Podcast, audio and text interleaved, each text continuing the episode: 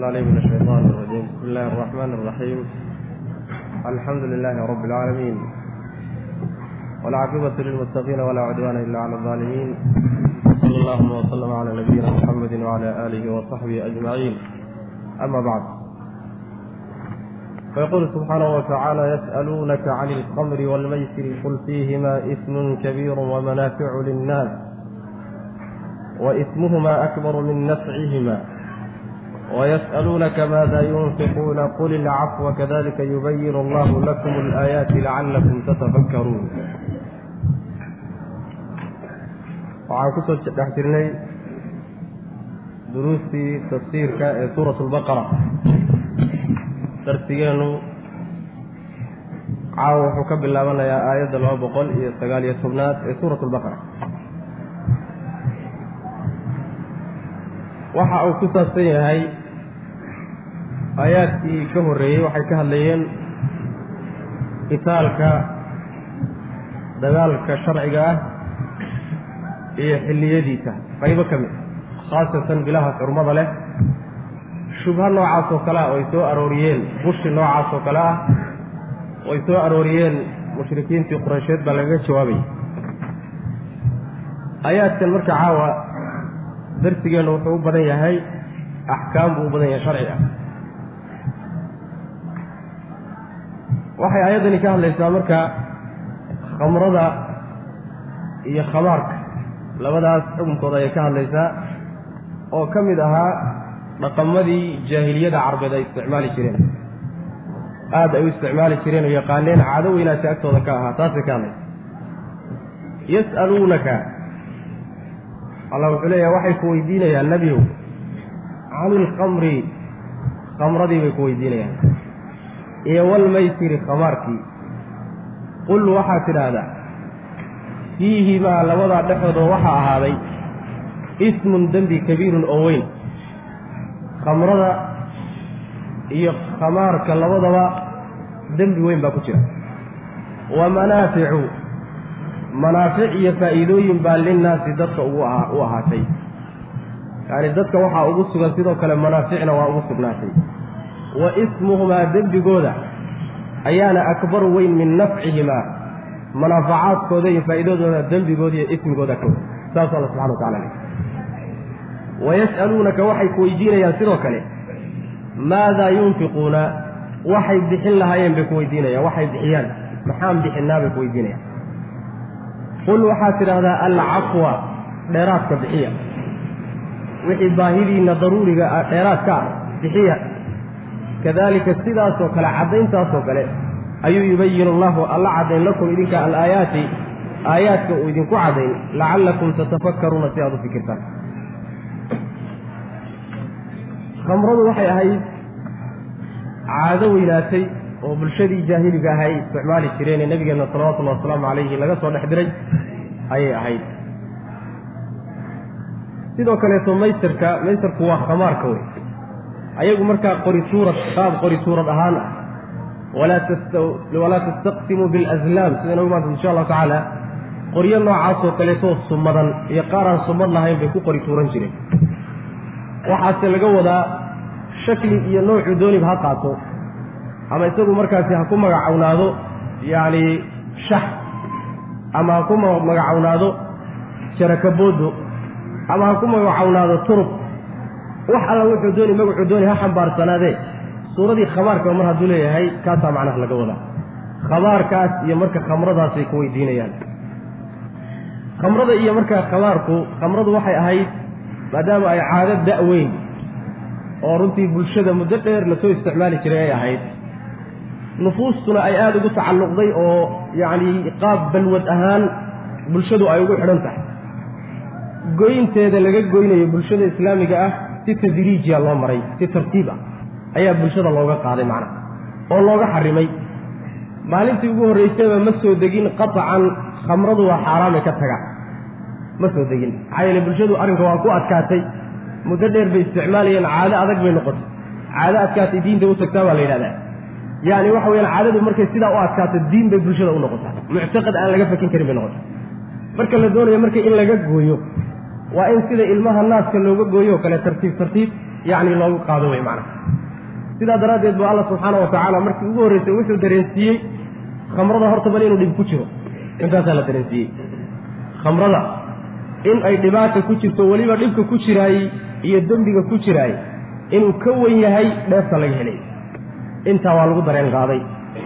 Rag baa maalintay intaasiba soo degtay iska daayay oo faraha ka qaaday. Qaarkii macnaha waxa weye raggu waa kala akhyaarsan yahay ragnimada cabi jirin ba xataa jaahiligii raggan cabi jirin ba kadib bu ilaahi subxaana wa tacaala wuxuu soo dejiyey aayaddii iyadoo inoo imaan doonto insha allahu tacala yaa ayuha aladiina aamanuu laa taqrabu salaata wa antum sukaara xataa taclamuu ma taquuluun ha u dhowaanina xilliyada salaadaha yani khamrada ha u dhowaanina waxay qabatimeen oo markii hore fikrad ahaan looga dhaadhiciyey mabda'iyan inay khamrada ay dhibkeedu badan yahay dheefteeduna yeli.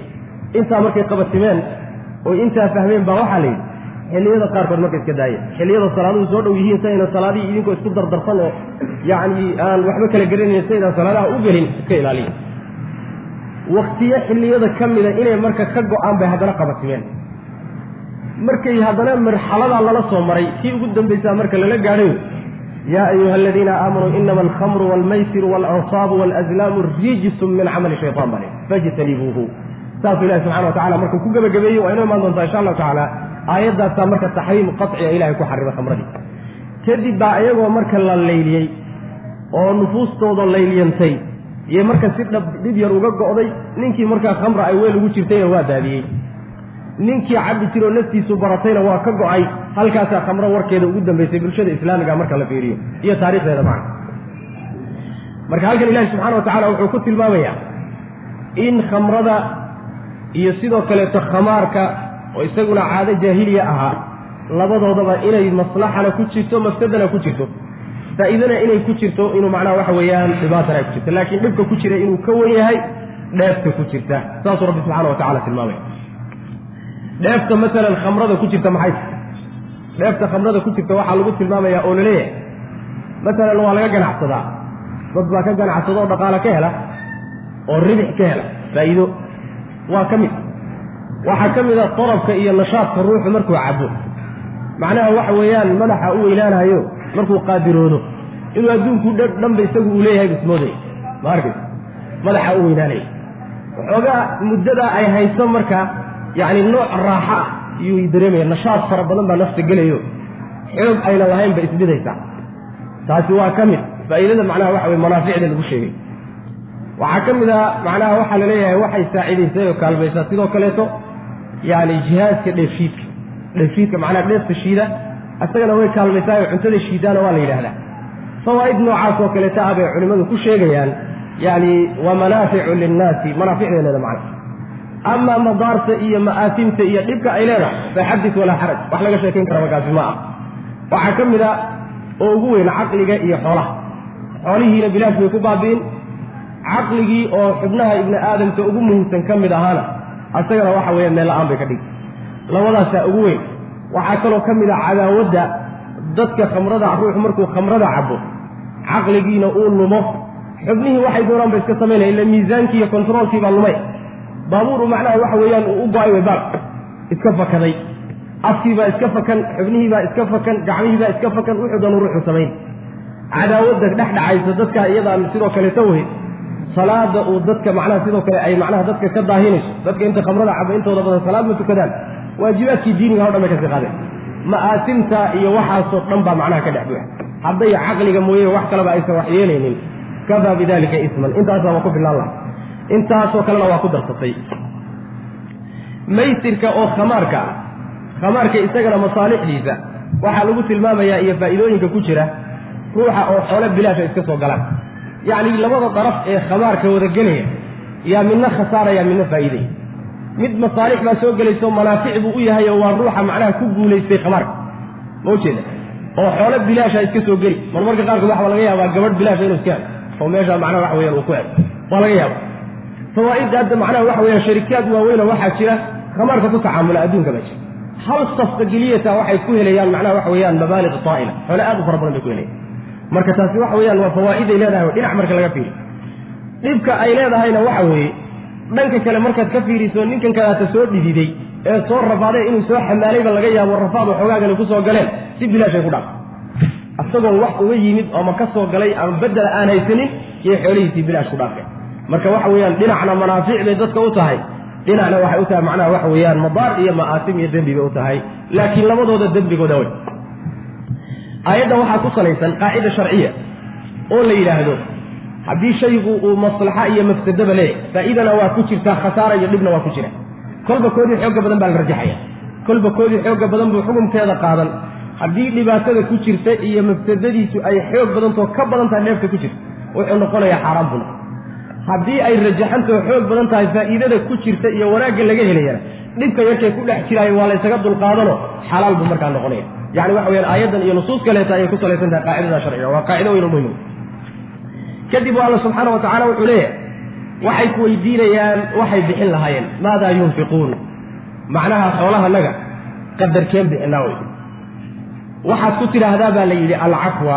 Cafiga waxaa laga wadaa bimacnaa wixii idiin sahlanaado oo ziyaada oo qadarka kifaayadiinna inta idinku filan idinka wixii dheeraadka intaa bixiya wey maana cafiga bimacna alfadli ziyaadada la yidhahda wixii marka daruuriyaadka naftu u baahan tahay ama waajib nafaqo oo biil adiga ku saaran aad ku gudaysahay taasi inaad bixisaan mehe waa inaad meeshaa kale u ishaan laakiin midda inaad bixisaan laydinka doonayo waa sadaqadu markay tadawuc tahay ee waajib ayna ahayn oo zakadii waajibka ayna ahayn middaasi waa midda ziyaadada idinka cawiyey. Waa midda nebigu sal alay wasalam uu leeyahay afdalu sadaqati maa kaana can dahri hina sadaqa waxaa ugu fadli badan ruuxu markuu baahidiisa daboolo yowmiga wixii ka soo hadha inuu bixiyo ayaa ugu fiican buu nabigeen salawatullah waslamu calayh. Wabda biman tacuul cidda nafaqadiisu ay waajibka kugu tahay ee adiga mas'uuliyadaada hoos yimaadaad ku hormarin qoladaa wixii ka soo hadhown baad bixin bixiya buu ilahi yidhi subxana wa tacala sidaa axaadiis aad u fara badan oo nabigeena ka sugan salawatullahi wasalaamu calayhi baa tilmaamaya macna. Yas'aluunaka waxay ku weydiinayaan nebiyow cani ilkhamri khamradii bay ku weydiinayaan iyo walmaysiri khamaarkii bay ku weydiinayaan. Qul waxaad tidhaahdaa fiihimaa dhexdooda waxaa labadaas ismun dembi kabiirun oo weyn dhibo dhib weyn baa ku jira. Wa manaaficu manaafic iyo linnaasi dadka ugu sugan. Manaaficna dhexdooda waa ahaatay oo dadka manaaficiya waxaa ugu jirta faa'iidana waa ugu jirta. Wa ismuhumaa dembigooda iyo dhibka ku jiraana akbaru ka weyn min nafcihimaa. Faa'iidada ay keenayaanna dhibka ay keenayaan baa ka weyn. Sidaa daraaddeed buu sharcigu u xarimay wa yas'aluunaka waxay ku weydiinayaan maadaa yunfiquuna waxay bixiyaan bay ku weydiin lahayen ku weydiinayan maxaan bixinaa su'aashaasay ku weydiinayaan. Macnaheedu waxa weeye xoolahanaga qaybteen ka bixinaa ma kulli baan wada bixinaa ma nis baan bixinaa qaybtee baanu sadaqaysanaa un la baxnaa qul waxaad tidhaahdaa alcafwa. Anfiquu waxaad bixisaan alcafwa dheeraadka bixiya. Idiin caddaynaya alaayaati aayaadkiibuu idin caddayn nafaqada iyo waxbixinta ku saabsanaa lacallakum tatafakkaruuna si aad u fikirtaan fi dunyaa adduunyada dhexeeda iyo walaakhirati aakhirada yacni adduunkiiyo aakhare dhexdood si aad ugu fikirtaan. Waxaa laga wadaa fi dunya walaakhirati tatafakkaruun ay ku tacalluqaysaa. Bal adduun iyo aakhare inaad isgarabaysaan isu miisaantaan. Adduunyay maxaad gashaa maxaadse guddaa. Aakharayse maxaad gashaa maxaadse guddaa. Labada kafadood intaad saartaan adduunye inaad qiimaheeda iyo qadar xumadeeda garataan. Aakharana qiimo wanaaggeeda iyo mansiladeeda aad garataan. Sidaana aad markaa aakhare aad ugu tashataan oo u horumarisaan macna inaad aakhariya adduun dhexdood ku fikirtaan darteed ayuu ilahay ayaadka idinku cadcadaynaya wayas'aluunaka waxay ku weydiinayaan can ilyataama agoontii bay ku weydiinayaan qul waxaad tidhaahdaa agoontii iyo la tacaamulkooda iyo la dhaqankooda iyo wax kaa weydiinaya iyada qul waxaad tidhahdaa islaaxun hagaajin lahum iyaga loo hagaajiyo waxoodii oo loo rogrogo oo loo basriyo ayaa khayrun wanaagsan inaad waxooda gacanta ugu qabataan ood u hagaajisaan saasaa horta fiican. Wa in tukhaaliطuuhum haddii aad dhex gashaan ama wax isku darsataan oo wax ku darsataan fa ikhwaanukum waa un walaaladiin meel fog kamaysan imaanina waa walaadadiidino diintay walaaladinku yihiin wallaahu allana yaclamu wuxuu ogyahay almufsida. Midka fasaadka ka shaqaynaya ee xoolaha uu isku darayo ugu gabanaya xoolaha agoonta inuu cuno min almuslixi midka wax hagaajinayo alla ka ogyahay walow shaa allahu hadduu alla dooni lahaana la acnatakum wuu idin dhibaato gelin lahaa yacni dhib adag buu idin arrinkaa dhexdiisa yeeli lahaayo aydan ka bixi karin xaraj iyo mashaquu idin saari lahaa. Ina allaha alla casiizun midkii haaliba weeye wax ishortaagi kala aysan jirin.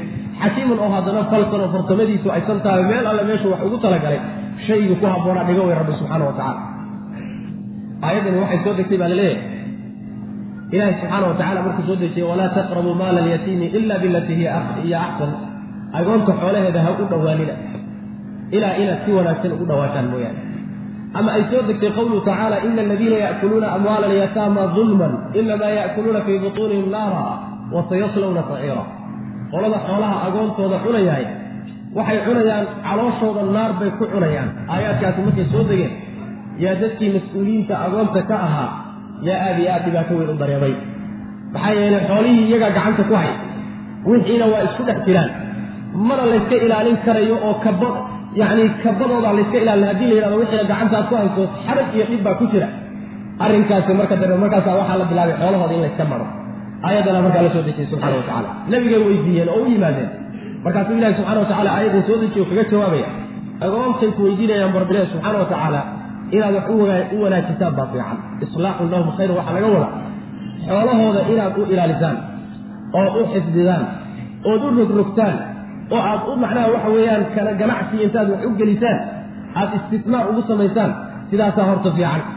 Sidaas weeye sida fiican buu rabbi subxana wa tacala u leey haddii aad ku dhex darmataan ood isdhex gashaan idinkiiyo agoontiina middaa iyada ah waa un walaalihiin.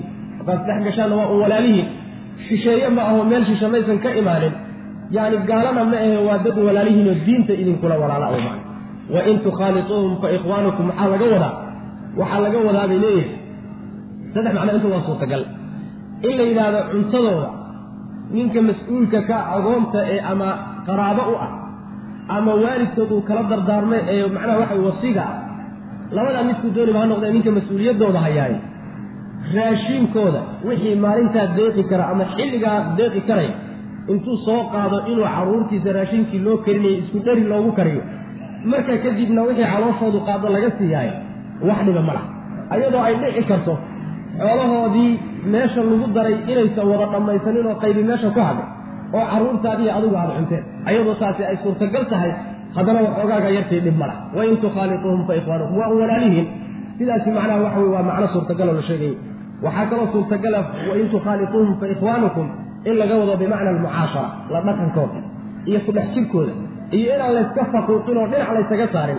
Middaa haddaad samaysaanna waa walaalihiin ayadana waa soo gelaysaa waxaa soo kaloo soo gelaysa haddaad la xidhidaan oo gabdhihii agoonta ahaa aada guursataanna fa ikhwaanukum waa un walaalihiin oo xagga diinta idinku walaala shisheeye ma aha. Ha fogeynina macnaha intaba waa suurtagal wey maana allah subxaana wa tacaala marka kadib wuxuu daba dhigay goofi oo ah xoolaha xoolihiina ku dara.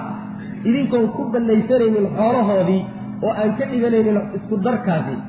Mid aad ku banaysataan xoolahoodii ood ku cuntaan idinkoon ka dhiganaynin markii sidaa laysu sheegay ayaa waxaa la yidhi ninka mufsidka ah ee ugu gabaadaya labada xoolee laysku daray xoolaha agoonta inuu ku banayso ama dherigaas raashinka laysugu darayba inuu xoolihii agoontu alahayd carruurtiisa reerkiisa inuu quudiyo ugu gabaadayo mufsidka xumaanta watee uurka ku watiya caloosha iyo midka muslixee wax hagaajin un ay ka tahay niyasamidu ay wadaa ilahay waa kala ogyahay subxaana wa tacala marka iska ilaaliyo ifsaad xoolaha agoonta ha u geline islaax u gala niyatulislaax hagaajin niyadeed iyo qasadkee ku gala saasaa macnaha ilahi subxana wa tacala inani ilaahay hadduu dooni lahaana mashaquu dusha idinka saari laha xoolahooda ilaaliya oo iyaga lafahooda ilaaliya oo xanaaneeya haddana haddii kabo idinka gaadho wax yar hadday idinka gaadho xoolahooda naarkaad gelaysaan hadduu alla dhihi laha subxana wa tacala soo mashaqo ma aha walow shaa allahu la acnatakum waa idin dhibaato gelin laha ilahi subxana wa tacaala oo xugum aad ku dhibaatootaan oo xaraj iyo mashaqale buu idinku soo dejin lahaa. Laakin ilahi subxana wa tacala yuriidu allahu bikum alyusra walaa yuriidu bikum alcusra ilahay fudayd buu idinla rabaa. Ee culays idinla dooni maayo macna wayasaluuna waxay ku weydiinayaan nebiyow can ilyataama agoontii bay ku weydiinayaan xaggeeda qul waxaad tidhahdaa yani can amwaali ilyataama agoontii xoolaheedii bay ku weydiinayaan.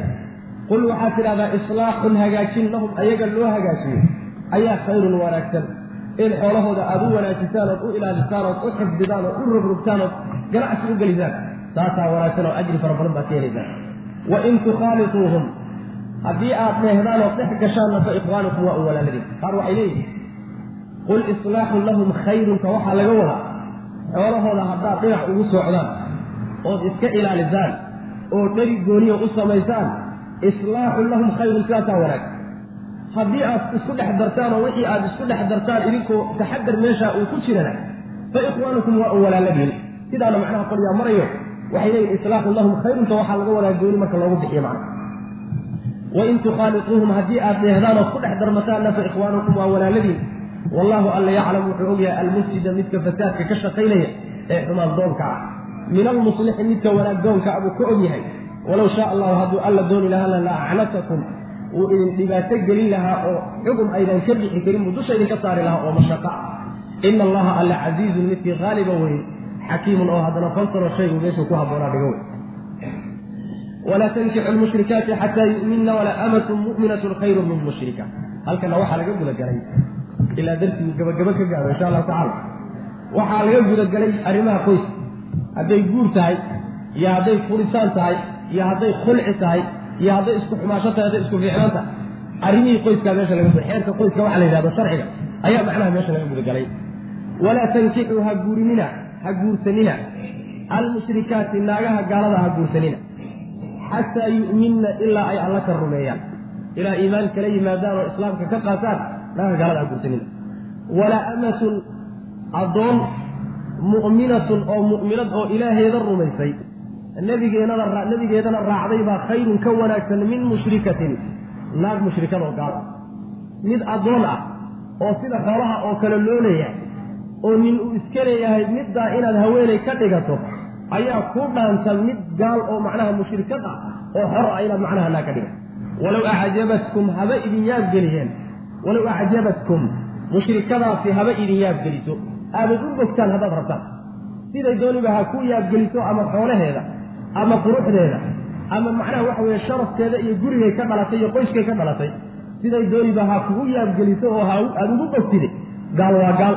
Addoontaasaa dhaanta wey macna walaa tunkixuu ha guurinina. Almushrikiina ragga gaalada ana gabdhaha muslimaadka ha u guurinina. Xataa yu'minuu ilaa ay ka rumeeyaan raggaas oo iimaan laga helo. Gabdhihii aad gacanta ku hayseen ee mu'minaadka ee wilaayadooda aad hayseenna rag gaalaha ku tabicin oo ha u guurinina. Ilaa ay raggaa gaaladii mu'miniinka noqdaan wala cabdun addoon. Mu'minun oo mu'min ah. Inaad u guurisaan ayaa khayrun ka wanaagsan min mushrikin mid gaal ah. Walow acjabakum gaalkaasi haba idin yaabgeliye boqortooyadiisi iyo xoolihiisi iyo quruxdiisi iyo sharafkiisa haba idinku yaabgeliye kaa addoonkaee miskiinka ee mu'minkaabaa dhaama. Ulaa'ika kuwaasi sababkii baa la sheegaya. Ulaa'ika kuwaa gaaladii ama rag ha noqdeen ama haween ha noqdeen yadcuuna way yeedhi ila annaari naar bay idinku baaqayaan. Yacni haddaad ayaga la xidhiidhaan gabadhii muslimada haddaad gaalkii u guurisaan wixii naar ay ku geli lahayd unbuu macnaha ugu soob noqon. Haddaad naar gaala guursataanna naar iyo wixii macnaha idin geyn lahaan ba idinku soob noqon.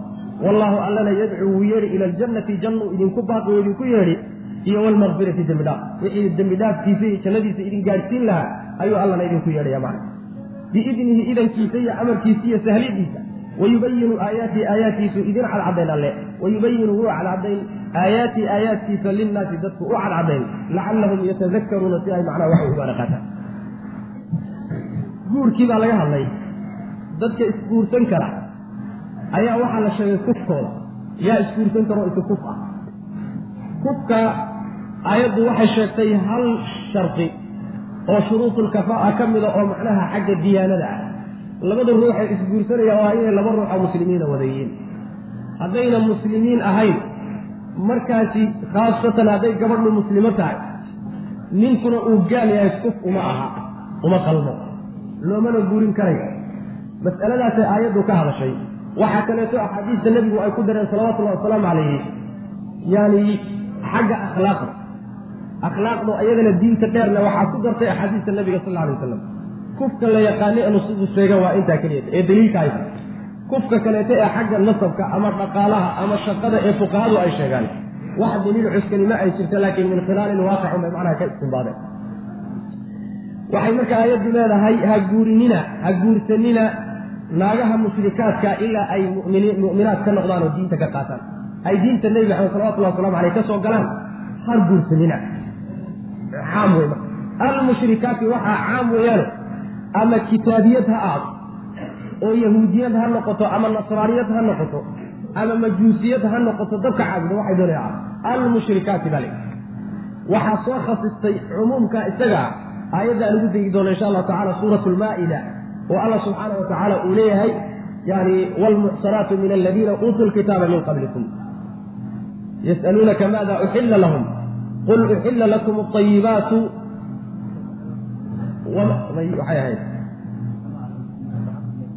mukalibiina tucallimuunahuna mima callamakum allah fakuluu mima amsakna calaykum wadkuru isma allahi calayhim aayadda ka dambaysa aayadda ka dambaysa macnaha waxay ahayd akhirkeeda waalmuxsanaatu min aladiina uutuu lkitaaba min qabli wa طacaamu aladiina uutuu lkitaaba xillun lakum wa طacaamukum xillun lahum waalmuxsanaatu min aladiina uutuu lkitaaba min qablikum saasay aayadda macnaha cuntadooda ahlulkitaabka yahuud iyo nasaarada waa idiin bannaanta cuntadiinuna iyaga waa u bannaan waxaa kaloo idiin bannaan hablaha muxsinaadka muxsanaadka ee dhowrsan ee ahlulkitaabka ka mid cafiifaadka ee dhowrsan zinada ka dhowrsan kuwaasna waa idiin bannaayi baa layhi subxana watacala sida marka jumhuurulmufasiriin ay u badan yihiin aayaddan mushrikaadka camintay ilan yahuud iyo ahlulkitaabka yahuud iyo nasaara waa mushrikiin iyaga la soo shirki ka weyni ma jiro inay yidhahdaan cusayr ibnullahi iyo masiix ibnullah shirki ka weyni ma jiro mushrikaadku. Laakiin mushrikaadka waxaa ka soo reebtay aayaddaasaa soo reebtay gebagabada warka iyo gunaanadkiisa waxa weeye mushrikaadka wax bannaani ma jiro ilaa ahlulkitaab muxsanada dhowrsoon inay tahay mooyaane. Taasi inay bannaan tahayna aayaddaa fii suurati ilmaa'ida inoogu imaan doonta ayaa alla ku caddeeyey subxaana wa tacala qolo mufasiriinta ka mid a waxay leeyihiin ma ahee walaa tankixu lmushrikaati waa cumuum oo waxaaba loola jeedayba sharcigu markiisii horeba ulama jeeda ahlulkitaab oo ahlulkitaabka mushrikiin looma yaqaanee waxaa sharcigu u yaqaanaa ahlulkitaab mushrikiinna inta kalea loo yaqaana sidaa haddii la yidhahdo waxay noqonaysaa aayadda cumuumkeeda. Macno khaasaa laga wadaa oo mushrikiinta kale ah oo ahlulkitaabka ana khusuus marka ma soo gelay waa meesha ay usuuliyiintu dhahaan waa caamun uriida bihi lkhusuus sidaana macnaha iyadoo waa macno la sheego oo suurtagal marka gaalad mushrikaadka ha guursanina ilaa ay iimaan kala yimaadaan. Haddayna ah kitaabiyad ahayn yahuudiyad haddayna ahayn ama nasraaniyad ahayn dhowrsoon maxaa yeelay addoonta mu'minadda ah ee nin kaleeta xoolihii oo kale oo gacantiisa ku jirta taa guursigeedaa wuxuu ka fiican yahay mushrikad gaal ah inaad guursataan taasaa ka fiican. Weliba haba idin yaabgeliso mushrikadani oo macnaha waxa weeye aada u bogteen xoolaheeda iyo dhaqaalaheeda iyo mansiladeeda iyo waxay haysata iyo quruxdeeda aba aada u bogteen taa guurkeeda waxaa idiin dhaaba miskiintan amaday addoontaabaa idin maxaa yeelay iyadu aakhare iyo wanaag bay kuugu kaalmayn. Janno iyo waxay kuugu kaalmayni wixii ilaahay raalli gelin lahaa. Janno xumaan iyo shar iyo waxay kuugu kaalmayni wixii naarku gelin lahaa macna sidaasaa macnaha lagu tacliiliyey. Kadib baa waxaa la yidhi hablaha mu'minaadkae gacantiina ku jira ha u guurinina ragga gaalada. Taa iyada wax laga soo reebaya meshi ama kitaabi ha ahaado ama yahuudi ha ahaado ama nasraani ha ahaado ama diintu dooni ha lahaado hadduusan muslim ahayn. Marba hadduusan muslim ahayn gabadh muslimada uma banaana sidaba uguma banaan karaan. Waxay isugu tagaanna waa un zino inay isugu yimaadaan. Inay zino isugu yimaadaan unbay isugu tegi karaan. Laakiin weji kale isugu imaan karaan ma jirto waa qaci wey wax laga soo reebin haba yaraatay meesha sababka ragga loogu baneeyey inay yahuudiyadda guursan karaan nasraaniyadda guursan karaan. Laakiin gabadha muslimaddaa loo diiday waxa weeye inta badan waxaa la yidhahdaa almar'atu calaa diini zawjiha haweenaydu ninkeeda diintiisay raacda haddii gabadh gaal ah uu soo guursado nin muslima inay islaamtay u badan saasaa u badan. Laakiin wabilcagsi tani haddii nin gaala loo guuriyo diinteedii inay ka baxdo diintiisana haystaa ay tidhahdaa badan imsaa gaalowday oo haweenkooduna la gaaloobay. Waqallama in la helo naag haweenay macnaha intay ninkeedii gaaloobay gaalnimadii ka had oo ka goosatay oo sidaa lagaga furay. Waaba badan waaba yartahay macna. Inay raacdo diintiisa ay ku raacdaan. Marka gabadhan muslimadda diinteedii caqiidadeeda la badbaadinaya taa kale gaashaana waa la soo xerogelinaya oo islaamkaa loo soo xerogelinaya yani waxa weye dhinacaasaa laga iirfiiriye masalada. Saas alla subxaana watacala marka wuxuu leeyahay addoon mu'min ah inaad gabadhiina u doortaan oo yani waxa weye nin kale gacantii ku jiro waxba aan gacantii siiso miskiinkaas addoonka inaad gabadhaada siiso ayaa ku dhaanta gaal.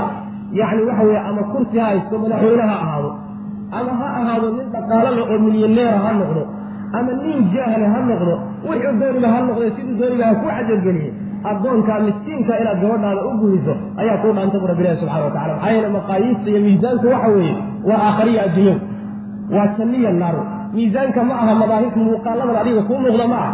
Miisaanku waa janniya naar. Qoladana naar bay u sii wadaa allana jannuu la doonayaa iyo dembi dhaaf. Marka wax laysu dhiga ma aha. Halka masaladu waxa wey ay ku salaysan taha laga fiirinaya walaa tankixuu ha guursanina almushrikaati haweenka mushrikaadka ha guursanina xataa yu'minna ilaa ay ka rumeeyaan oo iimaanka ay ka qaataan. Haddayna ayna yahuudiyad ahayn ama nasraaniyad oo weliba muxsanad oo dhowrsoon. Suuratulmaa-idaan ugu tegi doonaa insha allahu tacala faahfaahinteeda wala amatun addoon mu'minatun oo ilaaheeda rumaysay ayaa khayrun ka wanaagsan min mushrikatin mid gaal ah. Walow acjabatkun middaa gaashii haba idin yaab geliso oo aad u bogteen ood jeclaysateen macnaha waxa weye ama xoolaheeda ama waxa kale gacdeeda ku jira walaa tunkixuu ha guurinina almushrikiina ragga mushrikiinta ha u guurinina gabdhihiinna aada wilaayadooda haysaan xataa yu'minuu ilaa ay rumeeyaan raggaas ilaahay ay rumeeyaan iyo rasuulkiisa diinta qaataan wala cabdun addoon mu'minun oo alla rumeeyey baa khayrun ka wanaagsan min mushrikin mid gaal inaad addoon ilaahay ka rumeeyo mu'min oo iimaan le aada u guuriso yacni gabadhaada iyo midda aada wilaayadeedahay ayaa waxaa kuu dhaantay inaad mushrik u guuriso walow acjabakum haba idin yaabgeliyo mushriggaas iyo gaalkaas ha idin yaabgeliyo marka waxa weeye diyaanada ayaa laga hormaray wax walba. Waa ka nebigu odhanaya sal alay waslam tunkaxu lmar'atu liarbac haweeneyda afar baa loo guursadaa. Yani lijamaaliha walimaaliha walixasabiha walidiiniha fadfar bidaati diini saribad yadaak afar baa loo guursadaa mid ka mid a xoolaheeda in loo guursado dhaqaalayneeda loogu xilan. In loo guursado ma ahe waa yani quruxdeeda iyo wejiga ay leedahay loo guursado iyo ma ahe in loo guursado guriga ay ka dhalatay iyo qoyskay ka soo jeedo oo macnaha xasabkeeda ah. Saddexdaa mid ka mida loo geliyo waxaa afraya diinteeda in loo guursado.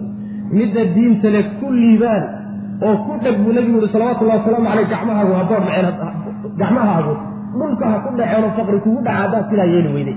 Saasuu nebigu salawatullahi wasalaamu caleyh markuu intaaba sheegay oo intaba haween loogu xisho yuu midda diinta le nebigu salawatullahi wasalaamu calayhi yani waxa weye si gooniya u soo reebay. Taa uun macnaha ku dadaal yacni shardiga aan kaa fakanin. Ee aad ku dhegtahay waa inuu noqdo xagga diinta markaa kadib wixii kuu dheeraada waa ziyaadatu khayr hadday qurux la dheerato ama dhaqaalo la dheeraato ama qoys fiican ka dhalatay la dheeraatahay waa ziyaada kuu ziyaaday oo macnaha khayra weye yani ha u intaa ma eh qasadka koobaad ee awaligeen marna laga tanaasuli kara diintaa noqdo way macnee saasuu nabigeenu salawatullahi wasalamu aleyh xadiidka saxiixa uu ku leey gabdhaha muslimaadka gaalada uma banaana waxaa maawaayaankaasi aada u soo baxbaxaya o muuqada gabdho soomaali oo gaala ay qabto. Gaala xalxad ay qabaan. Caruur ay ka dhaleen. Dhaqankii dawladda dhislayd ee la deganaa ee qaranka la ahaabay bay jiri jirtay. Gabdho gaal baa qaban layidhaha waxay qabaan ma jirta waa zino. Carruurtay kala dhaleenna waa waladu zina.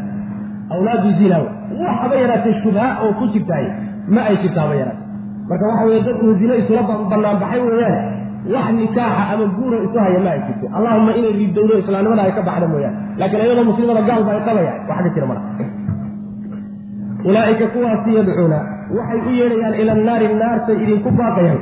Wallahu allana yadcuu macnaha naarta waxyaalaha idinku sabab noqonay shubkiga iyo yani akhlaaqda xulxun iyo ilaahay laga fogaaday iyo waxaasa idinku sabab noqon. Wallahu allana yadcuu yeedhi ila aljannati jannu idinku yeedhi iyo walmaqfirati dambi dhaaf biidnihi idankiisa iyo amarkiisa iyo sahl sahlidiisa isagu idin sahla yani jannada iyo maqfiradu idinku yeedhay waxa waa acmaashay idin gaadhsiin lahayd oo iimaanku ugu horray wayubayinu wuu caddayn alle aayaati aayaadkiisa linnaasi dadku u caddayn lacallahum yatadakkaruuna si ay macnaha waxa weeyaan ay u waana qaataan aayaddu waxay daliilu tahay sidoo kale walaa tunkixu lmushrikiina in wilaayada gabadha muslimadda inaysan isguurin karaynin in la guuriyo mooyaane. Maxaa yeelay gabdhihii mu'minaadkaa lama dhihin ha guursanina idinku ragga gaalada. Ee waxaa lala hadlay raggii mas'uuliyaddooda hayo waxaa lagu yidhi ha guurininoo ragga gaalada ha guurinina. Ayagaa marka guurinta macnahaasi insha allahu tacala darsiga qaybo ka mid a caawa inoogu imaan doona insha allahu tacala masalada wilaayada. Wayas'aluunaka can ilmaxiidi qul huwa adan factazilu nisa'a fi lmaxiid wayas'aluunaka bu alla leeyahy subxaana wa tacala waxay ku weydiinayaan nebiyow can ilmaxiidi xaydkii ayay ku weydiinayaan dhiiggii caadad ahaa ee haweenka ku dhex jira. Qul waxaa tidhahdaa huwa kaasi adan waa mid lagu dhibaatoodo oo qurun ah ee factaziluu ka dheeraada annisaaa haweenka ka fogaada fi lmaxiidi waktigay xaydka qabaan. Ama fi lmaxiidi meesha xaydku ka yimid kaga fogaada.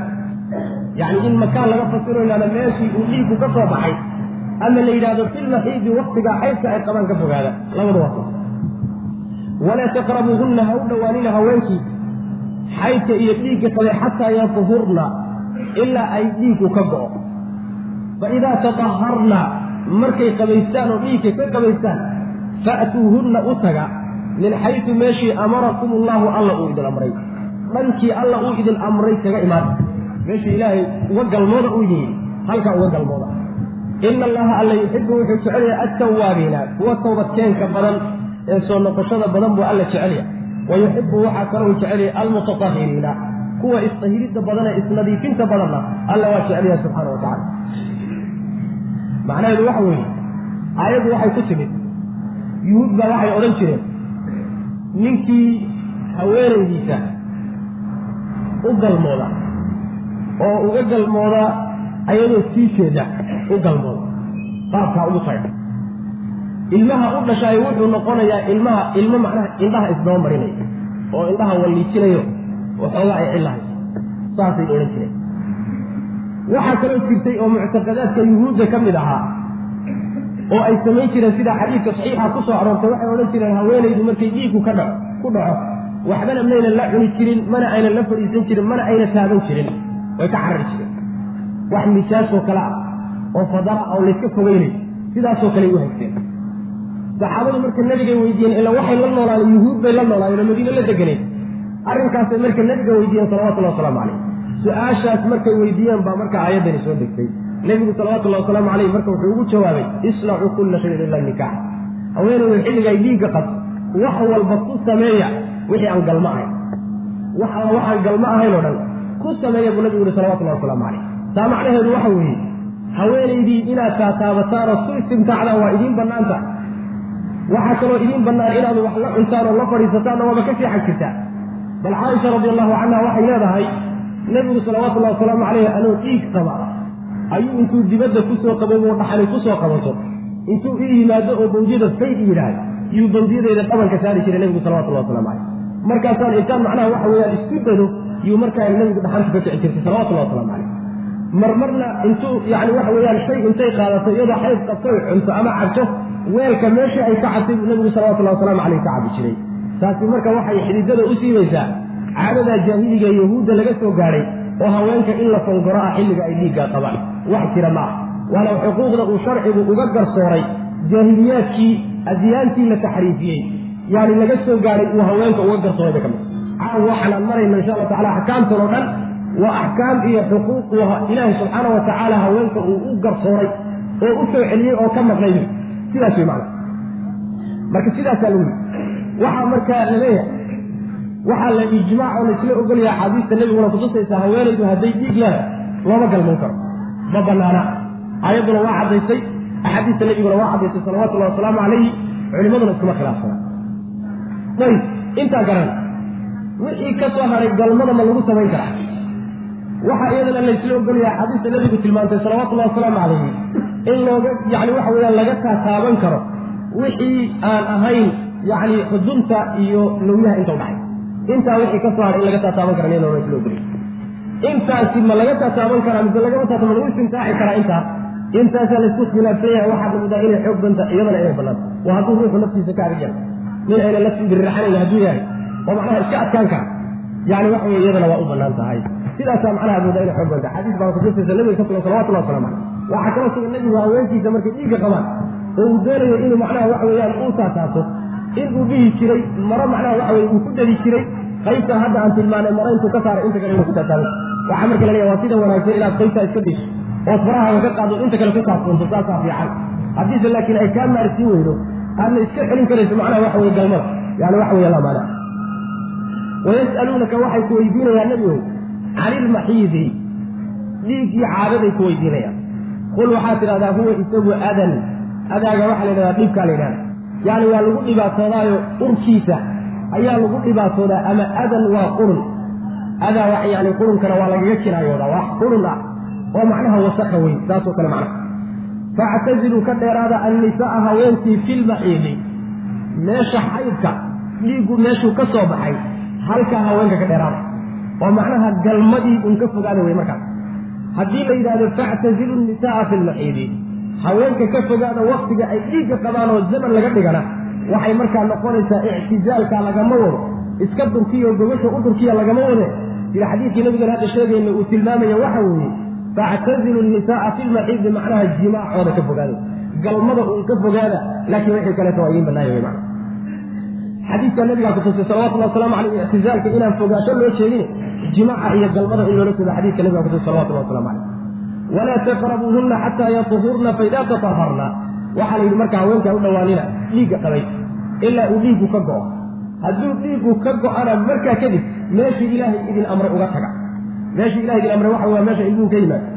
Meesha ilmuhu ka yimaado halkaa un uga galmooda bu alla leeyahy subxana wa tacala laakiin meel kale iyo laalaab kale ha gelina macnaha ilaahi subxaana wa tacaala dadka toobadkeenka badan buu jecelyahay isla hiridda badan oo isnadiifida badan bar buu jecelyahay subxana wa tacala qiraa'o kalea jirtoo odhanaysa xataa yatataharna ama xataa yataharna odhanaysa.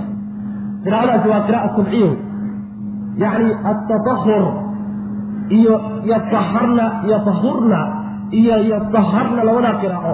Yacni waxaa u kala dhaxaysa khilaaf culimada ay masale suflaatiin baana ku dhisan. Waxaa u kala dhaxaysa marka la yidhahdo xataa yatuhurna macnaha waxaa laga wadaa markii ilaa uu dhiiggu ka go'o haddii la yidhahdo xataa yataharna haddii la yidhahdana waxaa laga wadaa markay qabaystaan. Saasaa laga wadaa. Sidaa daraaddeed baa culimmadu waxay isku khilaafeen. Haweenaydu haddii intuu dhiiggii ka go'o welina ayna qabaysanin ma loo galmoon karaa mise looma galmoon karay labadan qiraa'o ee iskhilaafsan ayay masaladu ku salaysan. Qiraa'ada yataharna ah waxay tilmaamaysaa inaan loo galmoon karin ilaa ay qabaystaan. Yatuhurnana waxay tilmaamaysaa in loo galmoon karayo iyagoon qabaysanin. Laakiin sida raajixa waxa weeye labada qiraa'o isma diijinayaan waa la jamcinaya. Laba shardi buu ilaahay u xidhay subxaana wa tacaala baa laleeyahy labada qiraa'o. Markay laba qiraa'o oo kala gedisan ay yihiin laba aayadood oo kale madax bannaan oo kale ka dhigan xagga macnaha waxa weeyaan istimbaadka fiqiga iyo laba aayadood kale madax bannaan laga dhigay waxaa marka la odhanaya laba qaayo ilaahay ku xidhay subxaana wa tacaala xayrka. Mid inuu dhiiggu ka go'a iyo mid inay qabaysataa midkaa inay qabaysataa haddii la sameeyo kii kalena waa soo gudagelaya ood ilaa ay ka qabaysanayso iska dhaaf kii kalena waad gudatay sooma laakiin kan kale haddaad samayso kii kale wuu ku dhaafo maada gudanin. Kaa dambaa marka la samaynaya labadii kii kalena waad ka soo hosgelaysaa macnahaana waxaa xoojinayo rajaxaya markaa kadib baa waxaa yidhi faidaa tadaharna markay qabaystaan. Fa'tuuhunna min xaysu amarakum allah marka sidaasi ibnu jariir sabri isagu qiraa'ada ah yataharna waxaa u jeedaa yatuhurna oo qiraa'ada meesha loogu taala isagu macnaha ina allaha alla yuxibu wuxuu jecelyahay attawaabiina kuwa toobadkeenka badan ee soo noqoshada badan. Wayuxibu wuxuu jecelyahay almutatahiriina kuwa isnadiifinta badan ee aqdaarta iyo waxyaalaha xunxunka ah kulli iska ilaaliya kuwaasuu alla jecelyahay subxaana wa tacala nisaa'ukum haweenkiinu xarsun beer bay lakum idinka idin yihiin. Ee fa'tuu u tagoo u galmooda xarsakum beertiinna annaa shi'tum sidaad doontaan ugu galmooda sidaad doontaan iyo qaabkaad doontaan ugu galmooda wakadimuu hormariya lianfusikum nafafyaalkiinana waxaad u hormarisaan kayd wanaagsan u hormariya oo khayr ah. Wattaqu llaha allana ka cabsada. Waaclamuu waxaad ogaataan annakum idinku mulaaquuhu kuwa alla la kulmaya inaad tihiin. Wabashir waxaad u bishaaraysaa almu'miniina markaa ilaahay lala kulmana kuwa ilaahay rumeeyey iyo xaqa iyo nebiga salawatullahi wasalaamu caleyh kuwa iyagaa macnaha u bishaaray nisaa'ukum xarkun lakum. Waxaa lagu tashbiihinayaa loo ekaysiinaya. Haweenayda sida beerta oo kale. Inta midhaha lagu rido markaa kadibna beerta soo saarto sida haweenaydaba biyahaasi markay ku dhacaan oo iyadiyo ukuntii ay kulmaan markaa kadib ilmuhu uga imaanaya. Xarsi iyo beer bay marka idin yihiin. Beertiina sidaa doontaan ugu tagu rabbi yihi subxana wa tacala annaa shi'tum bimacnaa kayfa shi'tum meeshaad doontaan maaha ee laakiin waxa weeye kayfa shi'tum? Sidaad doontaan wey dhin dhankaad doontaanoo kaga imaan. Ayadoo sii jeeda ayadoo soo jeeda ayadoo taagan ayadoo fadhida ayadoo kadaloosa sida alla sidii macnaha waxa weye idinku aad ka heshaan oo ninku ay ruuxa balwadiisu noqoto sidaad doontaanba ugu taga laakiin meesha aad uga tegaysaan waa inay noqoto meesha ilmuhu ka imaanay. Shardigu waa kaas macna shardigu kaas. Saasa ilaahi subxaana watacala u ina amray. Aayadda marka tii hore la macno tahay waxay diidaysaa meesha waladkiiyo ilmuhu uu ka imaanayo meelaana haweenka looga galmoodo. Arrinkaana waa xaraam qaطci ah wey axaadiista nabigeena ku sugan tahay salawatullahi wasalaamu caleyh nebigu inuu lacnaday ninkii haweenaydiisa gadaal uga taga. Yacni waxa weeyaan meeshii ilmuhu ka imaanaya meel allen ninkii haweenaydiisa uga galmooda waa malcuun oo lacnadii ilahay baa ku dhacday buu nabigu yihi salawatullahi wasalaamu caleyh marka ma banaana sharcan qaطcan ma banaana waxa culimada laga soo guuriyey qaar ka midoo mas'aladaa ku saabsanna yani wax sugan imaamu maalik baa laga soo guuriyaa kama sugna. Imaamu shaafici baa xataa qaarkood ka soo guuriyaan. Laakiin lix kutub oo kutubtiisa ka mid oo isagu uu qoray lixdoodaba wuxuu ku caddeeyey inay xaaraam qaطican marka waxa weye masaladaasi culimada kama sugna. Waxaa la isla ogolyahay inaysan masalo banaan inayna banaanayn saasaa la isla ogolyahay nisaa'ukum haweenkiinu xarsun beer bay lakum idinka idin yihiin. Oo carruurta ayaa idinka soo baxda ee fa'tuu u taga xarsakum beertiinna annaa shi'tum.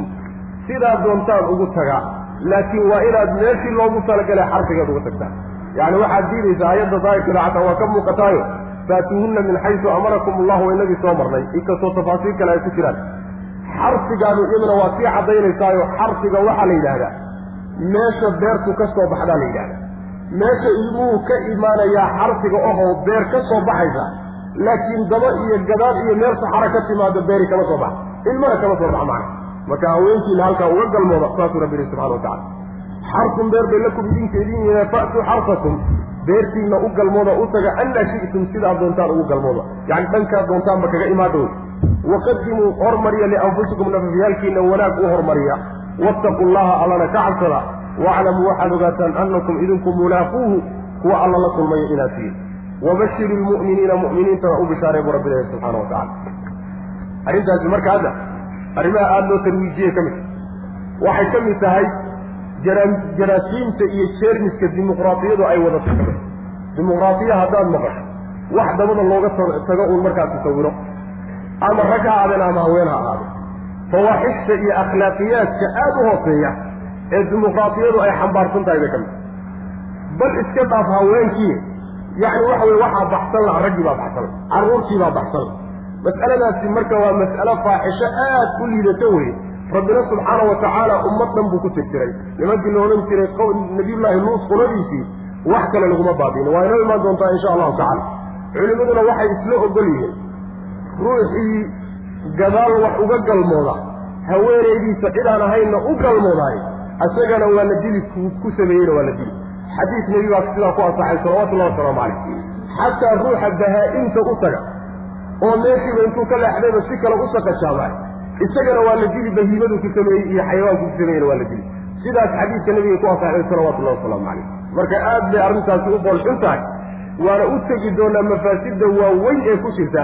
Markaan insha allahu tacaala qawmu nuut qisadooda aan gaarno haddii alla walaa tajcalu llaha curbatan liaymaanikum an tabaruu watattaquu watuslixuu bayna annaasi wallahu samiicun caliim walaa tajcalu llaha allaha ka yeelina mu'miniintiiow curbatan yacni midteeda mid diidaha ka dhigina liaymaanikum dhaarihiinna waxyaalahaad ku dhaarateen mid idinka hor istaaga oo idiin diidaha ka dhiganina alle an tabaruu inaad baarinimo samaysaan mid idiin diidaha ka dhiganina oo watattaquu aad dhowrsataan oo sharkiyo xumaanta aad ka dhowrsataan.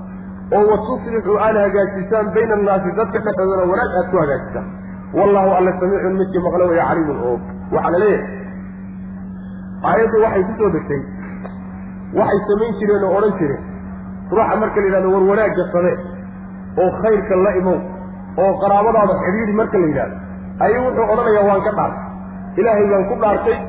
Dhaarta ilaahayna ma jebin karo magicii ilaahay baa marka wuxuu ka dhigtay kaas uu adeegsado oo uu kaga hortago oo uu wax alla wixii wanaag oo dhan ku jiiro curba. Curbada waxaa la yidhahdaa bimacnaa yacni annus baa la yidhahdaa.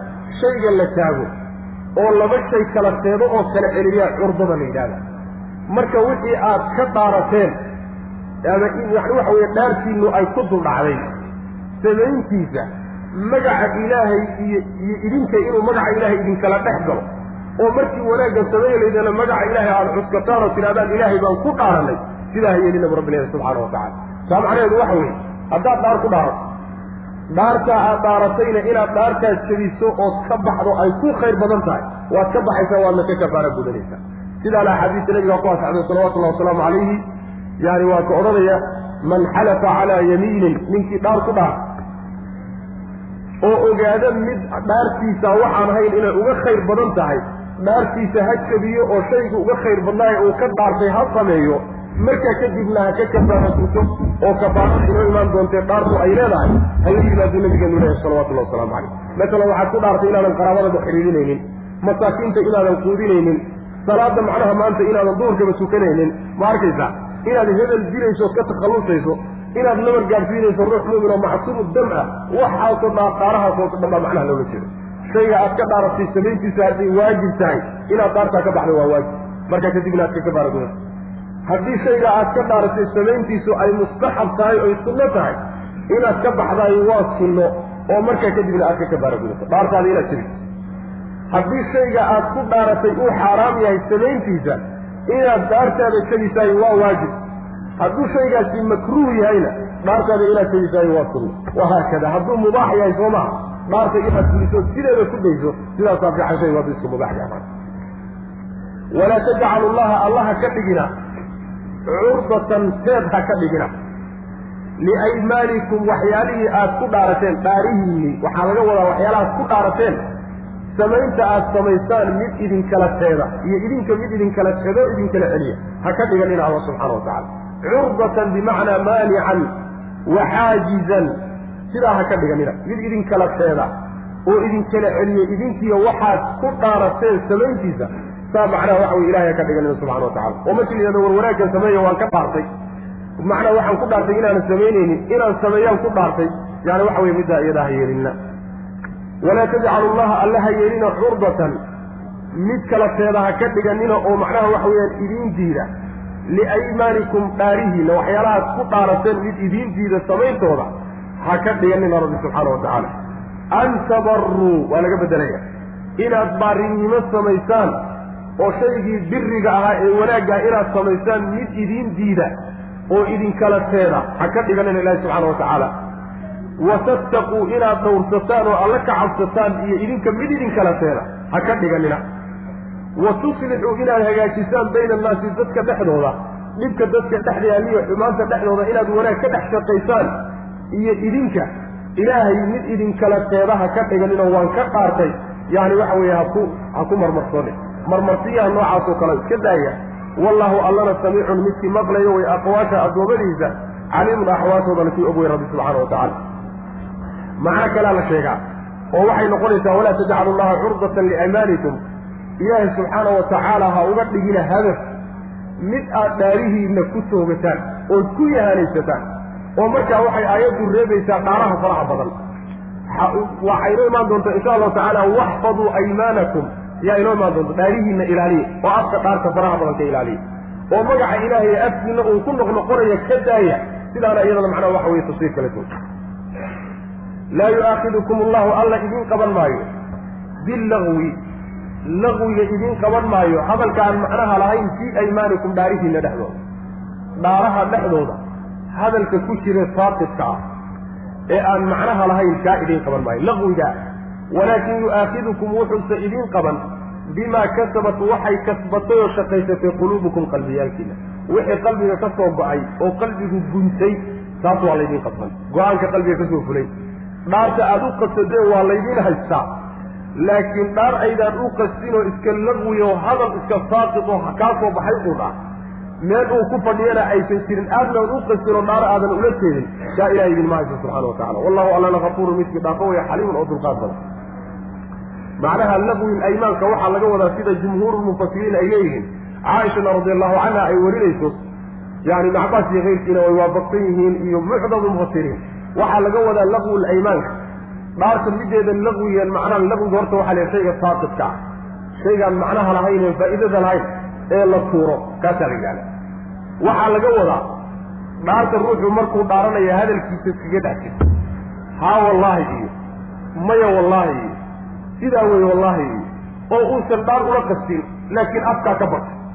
Hadalkaa unbay iska dhex yaacaysaa laakiin wax qasad oo ku dhaara ah ruuxuu lama qastin dhaarta noocaas oo kalea lagwil aymaan la yidhahda dhaarha mideeda laqwiga ilahay idinma hayso subxana wa macnaha haddii aad dhaar noocaas oo kalea kaa soo baxo oo sidaas oo kaleta hadalkaaga isaga dhex socoteen laakiin aadan u qasin oo dhaar ahaan aadan ula niyoonin sidaasi hadday kugu timaadahay waxaba yaraatee lagu haysto ma jirto. Inaad ka kafaara gudatana laguma haysto. Dembina ma aad gelaysid hadday sidii aad ku dhaaratay noqon weydo waxba laguma haysto macnaha sidaas wey waxaase laydin haystaa qalbigiinu wuxuu shaqaysto oo qalbiga ka soo go-a waxay noo imaan doonta sidoo kaleeto walaakin yu'aakidukum bimaa caqadtum alaymaana wixii dhaara oo qalbigu uu gunto oo qalbiga ka soo go-oo go'aan qalbiga ka yimida carabka iyo afku unaysan iskaga hadhadlin laakiin qalbigu la qabo. Oo dhaar ahaan aad ula qasadaan middaasaa laydin haystaa. Saas haddii laydin haystana maxay noqonaysaa xukunkeedu? Shaygaad ku dhaaratay inaad ilaalisaan oo idaan macnaa waxa weeye dhaarti jebinin ilaa inay dhaartu si aan soo sheegnay aayaddii tan ka horreysay ay ka soo hadashay tahay mooyaane. Oo inaad jebiso ay ka khayr badan tahay mooyaane. Haddii aad ilaalin weydood jebiso dhaarta iyadaana kafaara ku fuuli doonta insha allahu tacala inoo imaan doonto laa yu'aakidukum allahu alla idinqaba idin qaban maayo. Oo idinma haysto bilagwi hadalka saaqidkeen loo baahnayn oo fii aymaanikum dhaarihiinna dhexdooda. Hadalkaa laftiisa in layska ilaaliyaa fiican oo dhaarta faraha badan ma fiicna. Waxfaduu aymaanakum ilahi subxana watacala markaa kadib yidhiyo dhaarta faraha badan iska daaya magaca ilaahay fududaysateen ee afkiina carabkiina ku celcelinaysaan waa laga fiican yahay iska dhaaf lahwi baana lagu tilmaamay oo hadal aan macno lahayn oo boos dhicin ayaa macnaha laga soo qaaday walaakin yu'aakidukum wuxuuse alla idiin qaban bimaa kasabat waxay shaqaysatay quluubukum qalbiyaalkiinu waxay shaqaysteen. Oo qalbiga go'aan ka soo fulay oo uula qastay dhaar uula qastay kaasaa laydiin haystaayo xukunkiisana gadaal baa laydinka cadayn doonaa insha allahu tacala wallahu alla kafuurun midkii dhaafo weeye xaliimun oo naxariista. Liladiina xaliimun oo dulqaad badan. Liladiina yu'luuna min nisaa'ihim tarabusu arbacati ashhur fain faa-uu faina allaha gafuuru raxiim wain cazamuu alaaqa faina allaha samiicun caliim halkana labadan aayadood waxay ka hadlayaan. dhaarihii qayb ka mid. soo labadii aayadood hore dhaar kama soo hadlayn dhaarta qayb ka mid dhaartaasi waxa weeye ninku haweenaydiisa ka dhaca. dhaarta noocyo badan bay leedaha haweenayda laga dhar qaabka looga dhaaranaya ayay kolba xukumku ka dhalanaya. axkaam kale gedisan baana ku tacalluqu masalada iyada midda laakiin waa midda ilaaga la yidhaahdo waa ninku inuu ka dhaarto haweenkiisa haweenaydiisa inuu galmoodo waxaan ku dhaartay inaanan kuu galmoonaynin oona macnaha waxa weye ku haweenaysanaynin saasuu dhahay masaladaasay ka hadlaysa liladiina kuwii waxaa u sugnaaday yu'luuna dhaaranaya min nisaa'ihim haweenkooda ka dhaaranaya. Waxaa u sugnaaday oy leeyihiin tarabusu arbacati ashhurin afar bilood in loo sugay leeyihiin afar bilood in loo kaadiyo loo soo seefa dheereeyo ayay leeyihiin fa in faa-uu hadday laabtaan oy dhaartoodii ka soo noqdaan arrinkay ka dhaarteenna ay ku laabtaan oo haweenkii xuquuqdoodiia fa ina allaha alla kafuurun midkii dembi dhaafayo raxiimun oo naxariis waxay horay u dayaceen waa loo dhaafay wa in cazamuu hadday gooyaan oy guntaan atalaaqa furitaan hadday guntaan oo qalbiga ku guntaan oo go'aansadaanna fa ina allaha alla samiicun midkii maqlayo weye calimun oo ogsan weye rabbi subxana wa tacala macnaha waa la kala qaadaya haweenaydiisa markuu ninku yidhaahdo ka dhaarto oo yidhaahdo waxaan haba yaraatee kuu imaanaya ma ay jirto. Waa la kala qaadaya. Muddo afar bilood ka yar haddii uu ka dhaarto. Iyo muddo afar bilood ka badan haddii uu ka dhaarto labadaasaa loo kala qaadaya. Muddo afar bilood ka siman ku siman oo ka yar. Wixii afar bilood ka yar hadduu haweenaydiisa ku ka dhaarto waxaba yaraate ee mutaalabaa ama xuquuqoo loo qabsan kara ma jirto wuu iska dayn karaa. Afar bilood wuxuu heli karaa inuusan u galmoonin wuu ka dhaaran karaa. Hadduu ka dhaartana dhaartaa iyadaa kafaara ma laga doonayaa mise laga dooni maayo calaa khilaafi bayna ahlicilmi culimadu isku khilaafsanya laakiin inuu ka dhaaran karo haweenaydiisuna haweenayduna ayna maxkamadda tegi karin oo soo dacwoon karaynin inaysan xaqaa lahayn baa macnaha waxa wey laysla ogolya muddadaa iyadaa hadduu ka dhaarto iyada laa ishkaala aayaddu kama hadla ujeeda laakiin mafhuumka waxaa laga qaatay tarabusu arbacati ashhurin afar bilood wixii ka yar inuu leeyahy waxaa kaloo kutusaya xadiidka nebiga salawatullahi wasalaamu caleyh bukhaari keyrkii ku yimid nebigu bil buu haweenkiisa nebigu ka dhaartay salawatullahi wasalaamu caleyh bishii markay dhammaato sagaal iyo labaatan ay u gooday yuu nebigu markaa haweenkiisa u soo galay. Markaasay caaisha radiallahu canha ku tiri nebigina waxbaan laaban weli. Maalin baa laaban. Markaasaa nebigu sal lla alay waslam wuxuu ku yihi bishu sagaal iyo labaatan bay ku dhamaatay ma ujeeda marka nebigu sal alay wasalam waa ka dhaartay haweenkiisa waxoogaa xaalad timaadaana keena haddii afar bilood ka badan uu ka dhaarto middaa weye middaa aayaddu ka hadasha afartaa bilood markii uu ka dhaarto afarta bilood marka la gaadho ayaa waxay gabadhu xaq u leedahay inay inta maxkamadda tagto ninkii markaa kadib maxkamadda la soo istaajiyo la mudaalabayo markaa kadib baa waxaa la doorgelinayaa laba arrimood. In uu haweenaydiisii ku laabto xaqeedii uu siiyo oo xaqeedii uu gudo ilan galmadu waa xaq haweenku ay leeyihiin wey oyna raggu u diidi taasi waa mid hadduu taa ogolaado uu haweenaydiisii dib ugu noqdo oo galmadeedii iyo xuquuqday lahayd uu dib u siiyahay markaa kadib kafaara ma ku waajibaysaa mise kuma waajibayso calaa khilaafi bayna alcilmi iyada kafaara kuma waajibaysa qaarnayn qaarna waa ku waajibaysa aayadda laakiin daahirkeeda waxaad moodaa inay ka muuqata inaan kafaaro lagu lahay. Marba haddii haweenaydiisii dib ugu noqo ayib haddii uu ku noqon waayo oo uu dhaartiisii ku adkayso oo haween macnaha waxa weye sidaa uu yeelo xaakimti iyo maxkamaddu marka waxay ku qasbaysaa inuu furo. Ijaaba la odhanaya hadduu isku adkayo furi waayana qaadigaaba furiba. Ujeedaa maxkamadaaba dalqadeeda siinay. Halkaasaa lagu kala dhaqaajinaya macna. Sidaas weeyaan. Arrinkani marka wuxuu ka horta ku yahay jaahiliyadii baa waxay samayn jireen. Xuquuqda duudsiin la duudsiyey ee jaahiliyadii ay duudsiyey ee haweenku ay lahaayeen bay ka mid. Islaamkuna u soo riday waxay samayn jireen haweenaydu ninku wuxuu odhan jiray sanad kaamil ah laba sano ayuu ku dhaaranayaa inuusan u galmoonayn nin kalena uma imaan karo. Oo ma ay guursan karayso macnaha waxa weye xalig baa ku xidhan. Ninna ma haysato nin la'aan wey laba reer dhaxaad bay ka baxay. Ma u jeedaa jaahiliyadii baa sidaa samayn jirta ilahi subxaana watacaala marka waa u garsoonayo afar bilood ka badan maba yeeli kartaan baa la arrinkaa isaga.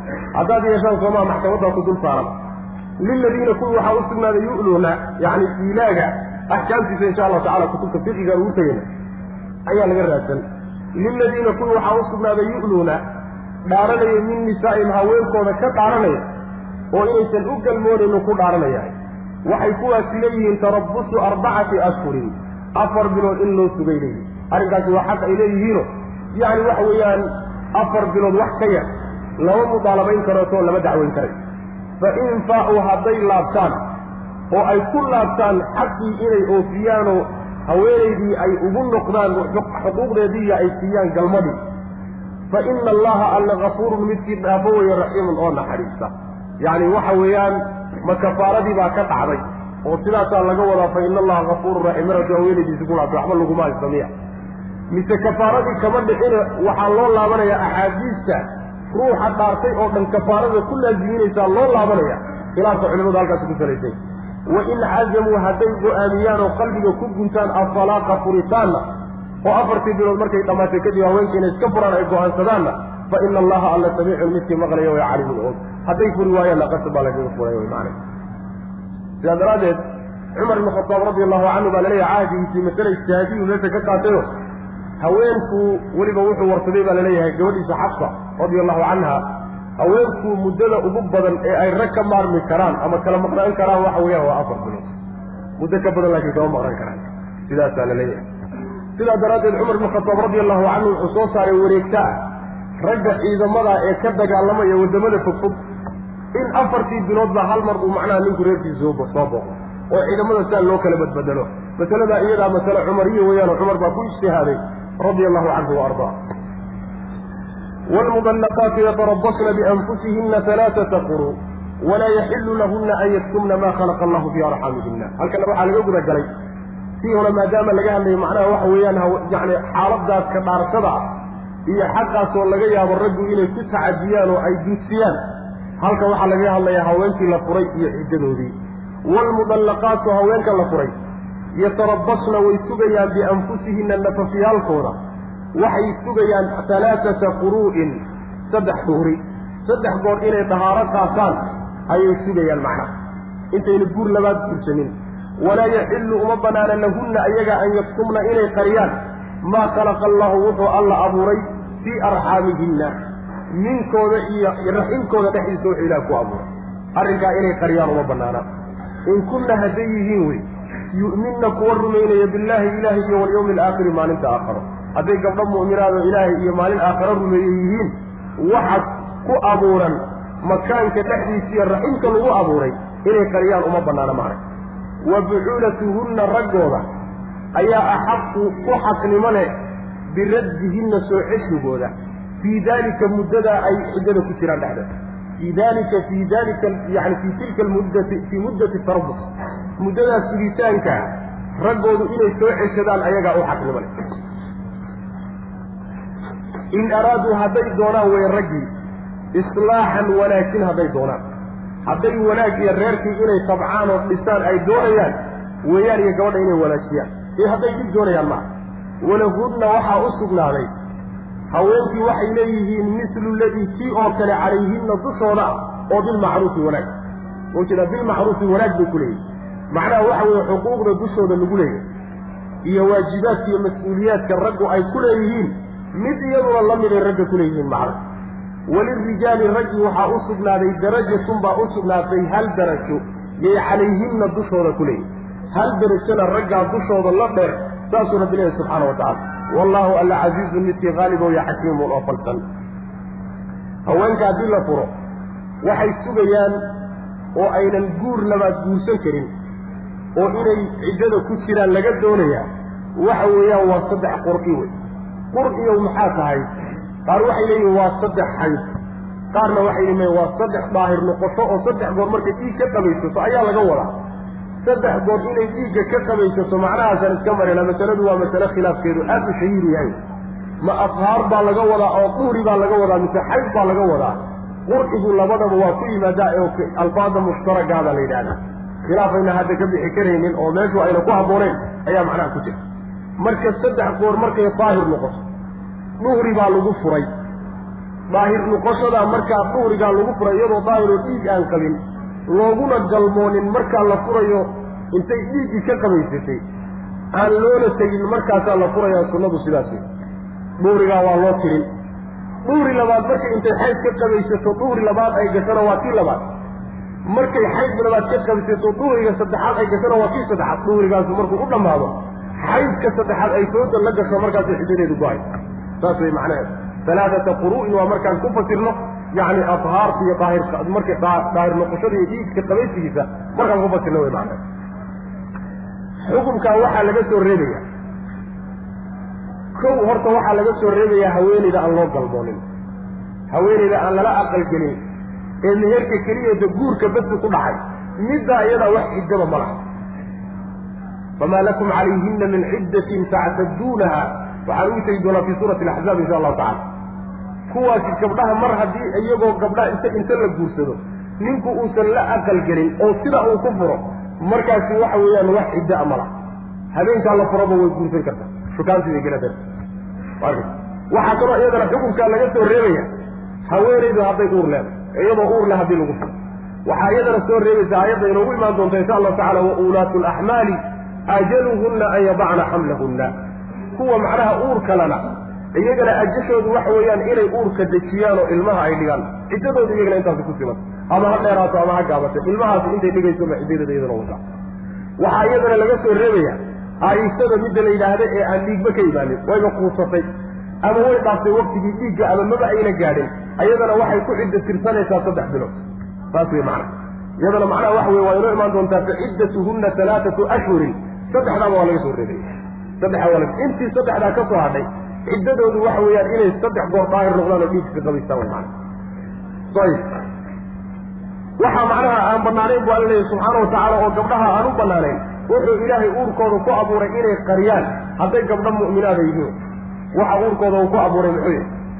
Waxa makaanka lagu abuuray ninka lagu abuuray muxuu yahay ee inay qariyaan aan u banaanayn waa labada waa suurtagal. In dhiiggii laga wado waa suurtagal xaydka ahaa. In ilmo laga wadana waa suurtagal. Labaduba waa soo gelayaan macnaha. Ayib. Oo maxaa loola jeedaa marka?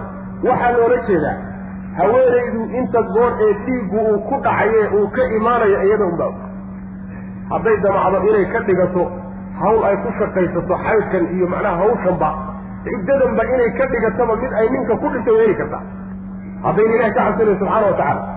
Oo ama xaqkiisay ku ridi kartaa ama xuquuq ayna lahayn bay ku qaadan kartaa masalan haweenaydu haddii la furo oo ciddada ay ku jirto ciddadeeduna ayna baa-ino ahayn oo saddexdii dalqodood aana hatii ugu dambaysa ayna dhicin waxay leedahay masruufna way leedahay marashona way leedahay guri ay degtana waa leedahay.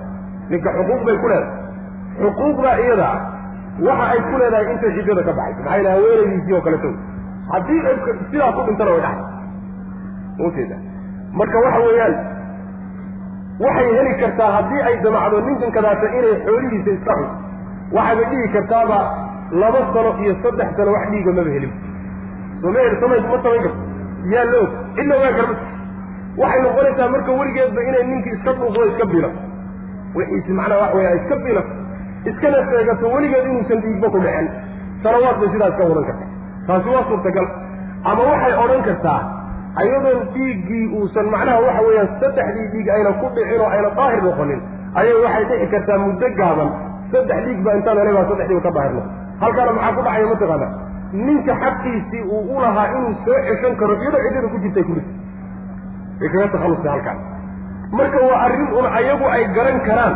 Sidaa daraaddeed baa waxaa la yidhi yacni in kunna yu'minna billahi walyawmi alaakhir iimaankoodaa loo tala saartayo wax xaaladaan cidna la ogaan karin wey macana marka yayna qarinin sidii arrintu u dhacdayayna wax isdabamarinina ha u sheegeen. Sidoo kaleeto isagana ilmaha la mid. Waxaa suurtagala asagoo iyadoo uur leh inay tidhahdo uur mali. Uur meligi markay tidhaahdo halkaa waxaa ku dhacaysa ninka ciddadii uu macnaa ciddaday tirsan lahayd ee uu soo ceshan kari lahaa baa ku dhacay ama waxay oranaysaa iyadoon uur lahayn. Uur baan leeyahay markaasa waxaa laga yaabaa inay macnaha waxa weye masruufato oo guri iyo wax walba ay ka qaadato muddo dheer macnaha waxa weya sidaasoo kaleetana waa suurtagal. Marka sidaa daraaddeed baa ilahi subxaana wa tacala wuxuu yidhi walaa yaxilu lahunna an yaktumna maa khalaqa allahu fii arxaamihina waxa ilaahay raximkooda uu ku abuuro ama dhiigga ah iyo siduu u imaanayo iyo xilliyaduu yimid ama ilmaha uurkooda ku abuurana taasayna ka been sheegi saasuu ilahi subxana wa tacala raggooda ayaa inay soo ceshadaan u xaqnimo leh intay ciddada ku jiraan. Intay ciddada ku jiraanona ka bixin. Raggoodu inay soo ceshadaan bay xaq u leeyihiin oo rag kaleeto oo ajnabiya oo yacni waxa weye ay isu diyaarinayso kii horeetaa macnaha uga xaqnimo leh. Intay ciddada ku jirta goormuu u xaqnimo leeyahay. Hadduu doonayo soo ceshigaas iyo isku noqoshadaas hadduu nolol wanaagsan ula jeeda in layskula noolaa xuquuqda gabadha inuu siiyo laakiin hadduu fasaad iyo xumayn iyo idraar iyo inuu dhimo ama ciddada ku dheereeyo u soo celcelinayo kollo siidaa kollo kusa xadhigga ku giiji uula jeedaayo middaasi waxa weeyaan aasil dembiila wey macna wuxuu rabbi subxaana wa tacaala uu tilmaamay haweenku waxay leeyihiin xuquuqday ayagu leeyihiin ayaga lagu leeyahay mid la miday leeyihiin macnaha labadan ruux ee gurigu wada dhisanya ee nolosha wadaagaay sharcigu qolo walba xuquuqna waa siiye waajibaadna waa saaray raggu xuquuq bay leeyihiin. Xuduud ayna u tilaabi karin haweenkana waa loo dhigay. Haweenkuna xuquuq bay leeyihiin xuduud ayna ragga u tilaabi karinna waa loo dhigay. Ilahay baa kal qorsheeyey subxaana wa tacaala. Sharcigaa qorsheeyo waa xeerka qoyska wey xuquuqdaasay marka leeyihiin nebigu salawatullahi wasalaamu calayh xajatulwadaa xajkii la odhan jiray markii muslimiinta dhan ay isugu yimaadeen u khudbaynayey ma yani waxa weeyaan xadiis ma aayadan la macnaa buu nabigu u sheegay salawatullahi wasalaamu calayh xaqa aad leedihiin oo kale idinku leeyihiin idinkuna xaqaad ku leedihiin ay idinku leeyihiin oo kalead ku leedihin macna. Marka waa xuquuq isdhaafsi ah wax isliidid ah ama isyasid ah ama isku xadgudub ah ama cidbaa cid ka hoosaysaa meesha ma jirte meesha waxa weye xuquuq baa la isku leeyahay macna. Markaa kadib alla subxaana wa tacala wuxu uhi raggu laakiin darajay la dheer yihiin darajadaasi waxa weeye yacni waa xoolaha ay bixinayaan. Waxa ay la dheer yihiin caqliga iyo quwadda ilaahi subxaana wa tacaala uu siiyo abuur ah. Waxay la dheer yihiin darajatu lqawaama darajo la yidhahdo maamulka guriga guriga maamulkiisa iyo mas'uuliyaddiisa ayagaa looga dambayn. Waynoo imaan doontaa insha allahu insha allahu tacala alrijaalu qawaamuuna cala annisaa. Haweenka iyagaa toosiyayaal u ah. Ilahi subxaana wa tacaala aayadalkaasa ayaa macnaha inoogu imaan doonta. Waalmudallaqaatu haweenkii la furay yatarabasna way sugayaan. Macnaha ha sugeen oo amara inay tahay oo khabar bimacna alamra in laga wado. Iyo in khabarnimadeeda loo daayo oo xukunka sharciga laga warramayo labadu waa suurtagal. Waalmudallaqaatu kuwa la furay yatarabasna way sugayaan bianfusihinna alaaata quru'in. Saddex qur'i bay sugayaan. Saddex yacni daahirno saddex goor qabaysiga ay dhiig ka qabaystaan ayay sugayaan guur kale intayna guursanin. Oy joogayaan.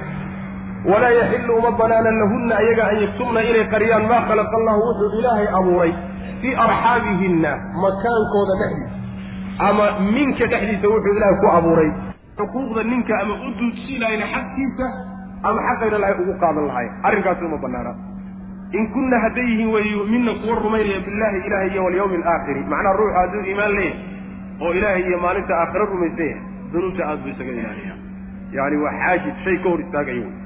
Wa bucuulatuhunna raggooda ayaa axaqu u xaqnimo leh biraddihinna soo ceshigooda fii daalika muddadaa ay sugayaan ee tarabuska ay ku jiraan dhexdeeda inay soo ceshadaan ayagaa u xaqnimo leh. Oo nin kaloo dhan ayagaa ka xaqli way soo ceshan karaan.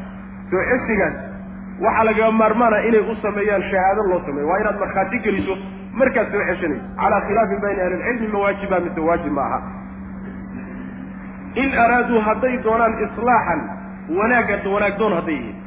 Macnaha waxaa jiri jirtay haweenka way dhigi jireen oo sida aayaadka soo socdana lagu baan doona insha allahu tacala waxay samayn jireen jaahiliyadu. Haweenayda ayuu furaya markay ciddadeedu soo dhowaato oo dhowr beri ay uga laaban yihiin buu soo ceshanaya rajactu buu odhanaya. Haddana wuu sii daynaya saddex qurdi oo kale qaadan haddana. Markay ku dhawaato inay ka baxdo haddana rajactu bi haddana waa sii daynaya wuxuuba ka dhigtayba wuxuu ku xiyaa banooni buu ka dhigtay. Kaa isagaabaa marka loola jeedaa in araaduu islaaxan.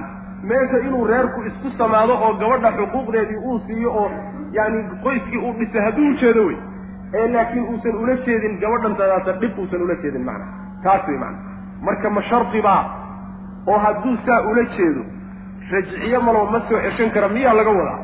Mise shardigu waxa weeyaan aasim weeye hadduu sidaa sameeyo. Tan dan baa loo badan yahayo hadduu xataa sidaa ula jeedo wuu soo ceshan karaayo waa soo noqonaysaa laakiin waa dembiile weyn wey mujrim wey walahunna waxaa u sugnaaday haweenkii oy leeyihiin mithlu ladii kii oo kaley leeyihiin xaqii oo kaley leeyihiin calayhinna dushooda saaran xuquuqda dushooda saaran oo daacada ah. Ninka inay ka amar qaataan guriga hawlihiisa inay uga dambeeyaan ah inaysan gurigiisa ninaan isaga ahayn inaysan soo gelinin ah xuquuq fara badan oo noocaasoo lagu leeyahay ku lamiday leeyihiin meherkii bay leeyihiin nafaqadii bay leeyihiin marashadii bay leeyihiin masruufkii bay leeyihiin ilaa akhiri yacni waxa weye si wanaagsan in loogula dha loola dhaqmay leeyihiin jimaac iyo galmadii bay leeyihiin xuquuq aad u fara badan buu ilahi subxana wa tacala usheegay calayhina mithlu ladii calayhina bilmacruufi si wanaagsan sida la yaqaano sharcigu yaqaano walirijaali raggi waxaa u sugnaaday calayhina dushooda darajatun daraja ugu sugnaatay darajtay raggu la dheer yihiino waa mid ilaahi subxaana wa tacaala dabiiciyan uguba talagalay oo quwadda iyo jismaanigaa iyo quwadda caqligaa iyo infaaqa ilaahi subxaana wa tacaala gacanta uu geeyey iyo maamulka gurigoo iyadana maslaxo weyn iyo xikmad weyn ku salaysan tahay iyo yani waxa weeyaan darajada midaasaa laga wada wallahu allana casiizun midkii haaliba weyn xakiimun oo falsa wey rabbi subxaanahu wa tacala asalaaqu maratani faimsaakum bimacruufin aw tasriixun biixsaan walaa yaxilu lakum an ta'khuduu mima aataytumuuhuna shayan ila an yakaafa anlaa yuqiima xuduud allah fain kiftum anlaa yuqiima xuduud allahi falaa junaaxa calayhima halkana waxaa laga hadlaya furitaankii furitaankii haweenaydii markii la furo ciddaday gelaysay iyo axkaamteedii baa aayadda arun u soo sheegay haddana furitaanka iyo qaabku yahay bay aayad uga hadlaysa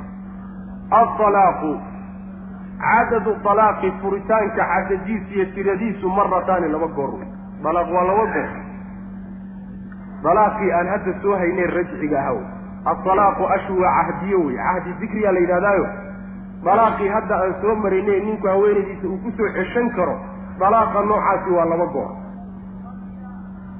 fa imsaakun fa calaykum dushiinna waxaa ah mar hadday labadaa goori ay dhacaan waxaa dusha idinka saaran imsaakun haysi bimacruufin wanaag aad ku haysataan haween. ilaan middii saddexaad markaa laaban aw amase tasriixun sii dayn biixsaanin wanaag aad ku sii daysaan oo middii saddexaad aad si wanaagsan ugu dhammaysaan. Taasaa markaa idiin hadlay. Walaa yaxilu ma banaana lakum idinka idinma banaana an ta'khuduu inaad qaadataan mima aataytumuuhunna. Wixii aad siiseen qaar ka mida inaad qaadataan mima aataytumuuhunna kii aad siiseen xaal uu ka mid yahay shay-an wuxuun inaad ka qaadataan ma wax yar oo wixii aad siiseen oo mihir ahaa inaad ka qaadataan oo kaga noqotaan ma banaana ilaa an yakhaafa inay cabsadaan mooye ninkii haweenaydiis qabay inay ka cabsadaan. Allaa yuqiima inay toosin waayaan oo oogi waayaan xuduud allahi ilahay xuduudiisa. Xuquuqday isku lahaayeen iyo xuduuddii sharciga inay ilaalin waayaan inay ka cabsadaan labadii isqabay mooyaane fa in khiftum haddaad ka cabsataan madaxdii iyo mas'uuliintiiyow allaa yuqiimaa inay toosin waayaan labadii isqabay xuduud allah xuduuddii ilaahay sharcigu dhigay inay hagaajiyaan inay hagaajin waayaan haddaad ka cabsataan oo ay ku ku dacasiyaan falaa junaaxa wax dembi ah calayhimaa dushooda ma aha labadaa isqabto dushooda dembi ma saarna fii maa shay dhexdii dembi kuma ay lahaa shaygaasoo iftadat ay isku furato bihi isaga wixii haweenaydu markaa ay isku furato oo ay ninka dalqadihii kaga iibsato oo uu sidaa kaga qaato iyaduna dembi kuma laha isaguna dembi kuma laha. Tilka midaasi xuduudullahi waa xuduudi ilaahay weye waa seerayaashii alla uu dejiye weye ee falaa tactaduuha gudbina waman yatacadda ruuxii gudba. Xuduud allahi ilaahay xuduuddiisa ruuxii gudbaayay fa ulaa'ika kuwaasi hum aldaalimuuna ayagaa kuwa gardaran. Asalaaqu marataani macnaheedu waxa weeye dalaaqu waa laba goor dalaaqa rajciga ee haweenayda intaad furto haddana aad ku noqon kartaay waa laba wey laba jaanis ba soga laba goor ba soga laba goor midda saddexaadi waa ama hayso ama siidaa oo wanaag ku siidaa hadday taa saddexaad kaa fakatana ka dabatag ma leh way macnaheedu waa kuu dhammaatay saas way macana aayaddu marka waxay daliil u tahay talaaqu inuusan israacin oo saddex dalqadood ama laba dalqadoodoo hal mar intay afka ka soo wada baxaan isdabagala inaysan jirin. Hal mar wada dhacay. Sidaasaa loo daliishan aayadoo maynan aayaddu waxay tidhi altalaaqu marataani altalaaqu dalqataani mayna odhanin. Dalaaqu waa laba dalqa mayna dhihine dalaaqu waa laba goor wey. Laba goor waxa la laba goor oo kala gedisan baa la yidhahda sidaasi mas'aladaasi waa mas'alo khilaafkeedu uu mashhuur yahay caawn ilaa cahdigii saxaabada ilaa yawmina haada oo masale khilaafkeedu uu aada caam u yahay. Culimada waxayduna aada isugu khilaafsan qole waxay leeyihiin dalqaduhu way israaci karaan. Oo laba hadduu dhayaana labadu hal mar bay ka dhixi karaan saddex hadduu yidhahdana waa is wada raaci karaan. Taasi waa mid.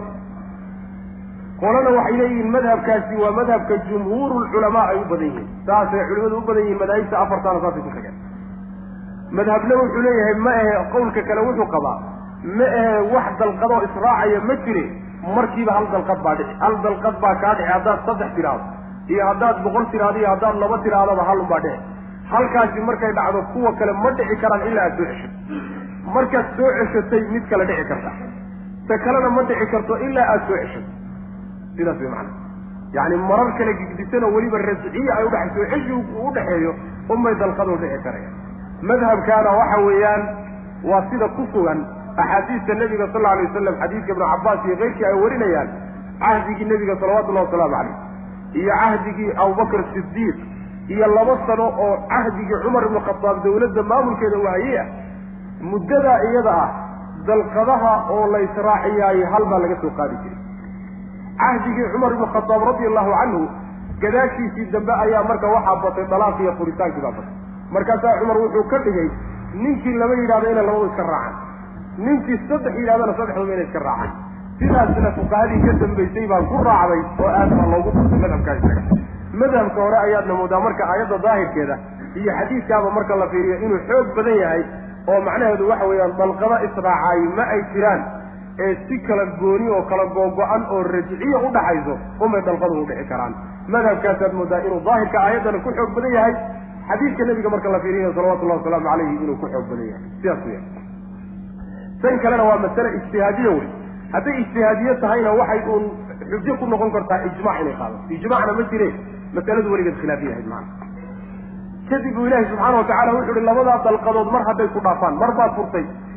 Waad soo ceshatay haddana waad furtay. Hal dalqad baa ku laabane middaa ama si fiican ugu hayso ama sii daayo si wanaagsan ku sii daayo. Sidaas intaa markii laga hadlay ayaa waxaa la yidhi waxaa laga hadlay mas'ale la yihahdo qulci. Haweenkii haddaad furtaan oo sidaa ku sii daysaan meherkoodii aad u magacawdeen ayagaa iskale waxba kama faragelin kartaa. Waa xaqay iyagu leeyihiin waxay ayagu xandiibi nafsi naftooda raalli ku a idinku siiyaan mooye. Wax xuquuqood ku leedihin ma jirta mana ka qaadan kartaa. In yarna kama qaadan kartaa.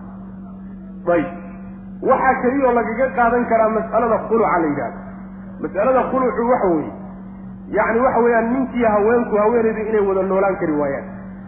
Diidaduna inay xagga haweenayda ka timaado oy ninka la noolaan kari weydo xaq waxay u leedahay marka inay ninka ay u bandhigto ama maxkamaddaba ay tagto oy u bandhigto tidhaahdo dalqadahaygii baan ka iibsanayahay meher wuxuu isiiyey baan u celinayaa hay sii daayo. Meherkuu ka qaadanaya waana sii daynaya gabadhii macnaha waxa wey hadday ninkii la noolaan kari weydo sidaasay isku furdaamin kartaa waxaa la yidhaha khulciga marka masaladaa la yidhahda waxay dhacday cahdigii nebiga salawatullahi wasalaamu calayhi gabadh la yidhahda xabiiba binti sahl. Ayaa waxaa qabi jiray saabit ibnu qays ibnu shumaas saxaabi la yidhahdo. Marka maalin maalmaha ka mid a sida axaadiista ku sugan ayaa waxay aragtay isagoo raggi la socda. Waxoogaa marka way u bogi weydayo. Yani nin quruxdiisa laga sito inay tahay yyy macnaha u arkay raggii macnaha waxa way ugu hooseeya. Sidaa daraaddeed bay marka waxoogaa nafsadeeda waxaa gashay inaysan la noolaan karin nabiga u tagtay salawatullahi wasalaamu calayh markaasay tihi nabiga ilaahayow yani saabit ibnu qays wax diin xumo ah. Yani ku sheegi maayo wax diino yani ku eedayn maayo. Laakiin waxa weeyaan waxaan ka cabsanayaa diintaydaan u cabsanaya aakharadayda markaasaa nabigu wuxuu kuhi salawatullahi wasalaamu caleyh beerkii uu ku siiyey ee meherka kuu siiyey ma u celinaysaa haabay. Nabigu wuxuu yihi salawatullahi waslamu caleyh ka qaado hal dalqadna ku fur buu nabigu yihi salawatullahi waslamu caleyh sidii buu marka ku sii daayey dalqadaasi marka halkaa dalqad markay dhacdo waa dalqa daa'ina noqosho ma jirto. Khulciga gabadhu mar hadday ninka dalqadaha ka gadato oo ay lacagtaa ay bixisay iyo macnaha waxa weeyaan meherkaa ay u celisay dalqadda uu sidaa ku sii daayey rajciyo ma laha. Kuma uu noqon karayo. Waa uga dhamaatay macnaha. Sidaas weyaan guur dambe uun inuu ugu noqon mooyaane. Sidaas macnaha wey dalqadaasaana macnaha waxa weye lagu furayaa. Ayib ma bannaan tahay meherka wax ka badan inuu ka qaado meherka wax ka badan inuu ka qaado waa masale hadda xaadira wey yurub qolyaha jira xaasaskoodu jiraan iyo ragga meeshan joogay ee aada ugu badan. Yani waxa weye gabadhii waa rafaadsan tahay isagiina waa rafaadsan yahay hadhow markay rafaadana dalqadihii ka gadaa ma bannaan tahay meherka wax ka badan inuu ka qaato maya. Sidaas waxaa ku asaxday. Riwaayo saxiixa oo soo aroortay xadiidka ku soo aroortay nebigu wuxuu ku yihi salawatullahi wasalaamu caleyh ka qaado xadiiqadii iyo beertii aada meherka u siisay walaa tasdad hana ka badsan saasuu nebigu ku yihi salawatullah waslamu caleyh ra'yigaasaana raajixa inaadan meherkaagii wax ka badan aadan gabadha ka qaadan karin waa ina sidiisa maa sidaas weeyaan. Marka ilaahi subxaana watacaala sidaasuu ku yidhi meherkooda waxa uu lagu qaadan karaa xoolahaad siiseen markaad furteen aad dib ugu noqon kartaan oo waxa weeye haddii isqabad la isqaban kari waayo oo markaa kadib furitaankuna xaggeeda uu ka yimaado markaasay idin bannaantay meherkiinii inaad qaadataan oo kaga noqotaan sidaana markaad ku sidaysaan macna altalaaqu furitaankii marataani laba goor weeye oo laba goor buu dhacaa. Ma dhaco macnaha waxa weye wax israaca ma aha. Fa imsaakun fa calaykum dushiina waxaa imsaakun haysi bimacruufin wanaag aada wax ku haysataan. Si wanaagsan haweenkii ku haysto xuquuqdoodii iyo waxay idinku lahaayeen aadu ka soo baxayn oo soo siinaysaan aw amase tasriixun calaykum dushiina waxa aad tasriixun sii dayn iyo foofin biixsaanin wanaag aad kusiisay ku sii daysaan si wanaagsan aad haweenayda ku sii daysaan walaa yaxilu ma banaana lakum idinka idinma banaana. Raggiyow an ta'khuduu inaad qaadataan. Mima aataytumuuhunna. Wixii aad siiseen inaad ka qaadataan shay-an wax yarna inaad ka qaadataan idinma banaan meerkaad siiseen way macana ilaa an yakhaafaa inay cabsadaan mooye labada isqabaay. Anlaa yuqiima inay toosin waayaan xuduud allah ilaahay seerooyinkiisa inay xuquuqda isku lahaayeen ka soo bixi waayaan inay ka cabsadaan mooyaane oo gabadhii ay ka cabsato isagu hadduu ka cabsado xuquuqdeeda inuu ka soo bixi waayo dalaaq buu leeyahy sooma ayadana markay xuquuqdiisa inay ka soo bixi weydo ay ka cabsato laysqaban waayahay waxay leedahay markaasi khulciganay leedahay inay dalqadaha ka gadan ilaa an yakhaafaa inay ka cabsadaan mooyaane anlaa yuqiima inay toosin waayaan xuduud allah labadii isqabtay. Fain khiftum haddaad ka cabsataan khitaabkani wuxuu u dhacayaa dadka mas'uuliyiinta fain khiftum haddaad ka cabsataan mas'uuliyiintii iyo maxkamadiiyow anlaa yuqiima inay toosin waayaan labadii isqabay xuduud allah. Xuduuddii ilaahay iyo xuquuqdiisii isku lahaayeen hadday ka cabsadaan inay oofin waayaan dhamaystiri waayaan falaa junaaxa wax dembiya calayhima labadooda dushooda ma aha. Fii maa shay dhexdii dembi kuma ay lahaa labadooda midna istadad ay isku furatay bihi isaga xoolaha ay iska bixisay isku madax furashada u bixisay ay dalqada ku gadatay isaga ka qaatayna dembi kuma leh. Ayada bixisayna dembi kuma leh tilka midaasi xuduudullah waa xuduudii ilaahay ee falaa tactaduuha ha gudbina.